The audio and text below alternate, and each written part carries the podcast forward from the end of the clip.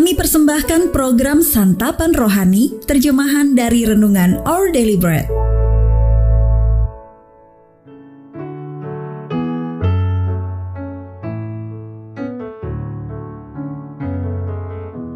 Sahabat ODB, pembacaan Alkitab hari ini terambil dari Yunus pasal yang kedua ayat yang pertama sampai dengan ayat yang ke-10.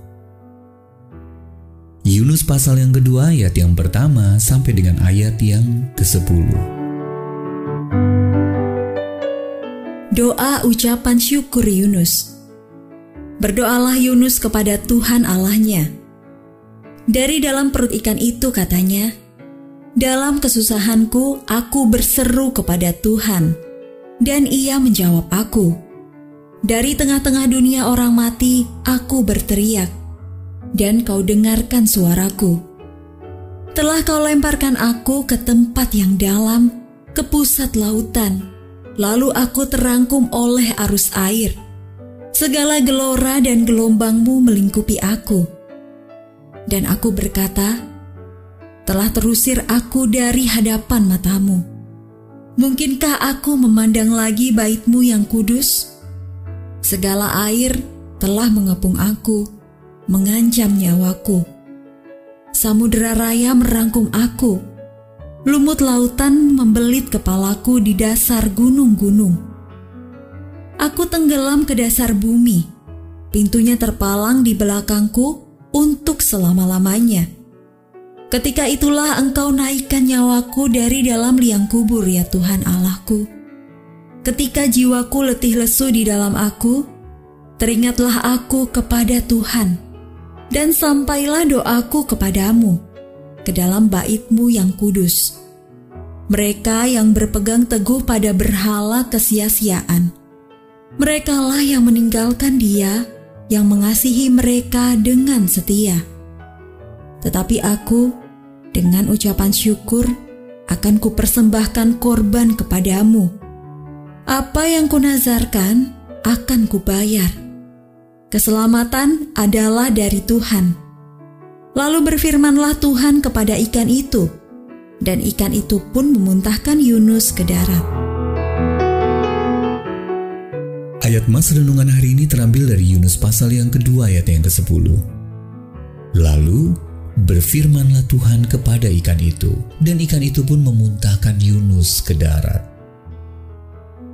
Renungan hari ini berjudul cerita yang menegangkan ditulis oleh Mai Whitmer. Saat menyelam untuk berburu lobster, tiba-tiba saja seekor paus bungkuk mencaplok Michael. Ia meronta-ronta dalam gelap, tetapi rahang paus itu terus menjepitnya. Pikir Michael, tamatlah riwayatku. Untungnya paus itu tidak menyukai rasa manusia dan 30 detik kemudian Michael pun dimuntahkannya. Syukurlah tidak ada tulang yang patah, yang tertinggal hanyalah luka memar dan sebuah cerita yang menegangkan. Michael bukan yang pertama. Yunus pernah ditelan seekor ikan besar. Selama tiga hari lamanya ia berada di dalam lambung ikan sebelum akhirnya dimuntahkan ke darat.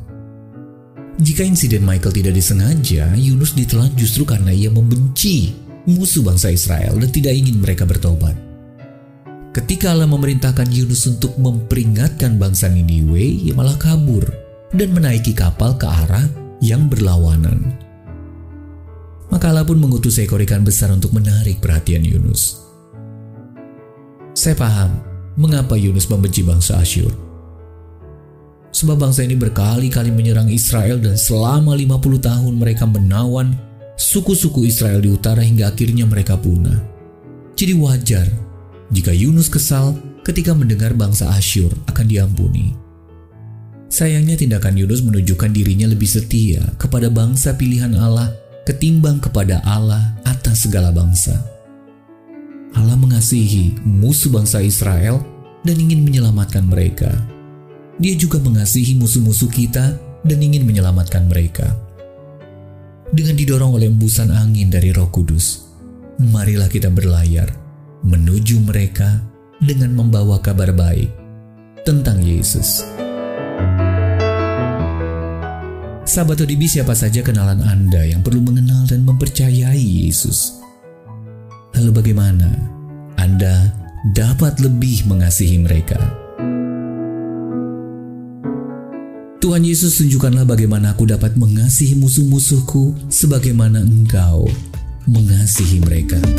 Our daily bread ministries Wartakan firman pada dunia Jika Anda ingin mendapatkan buku renungan ini dalam bahasa Indonesia, Inggris, atau Mandarin, WhatsApp kami di 0878 7878 9978 atau email indonesia@odb.org dan kunjungi website santapanrohani.org.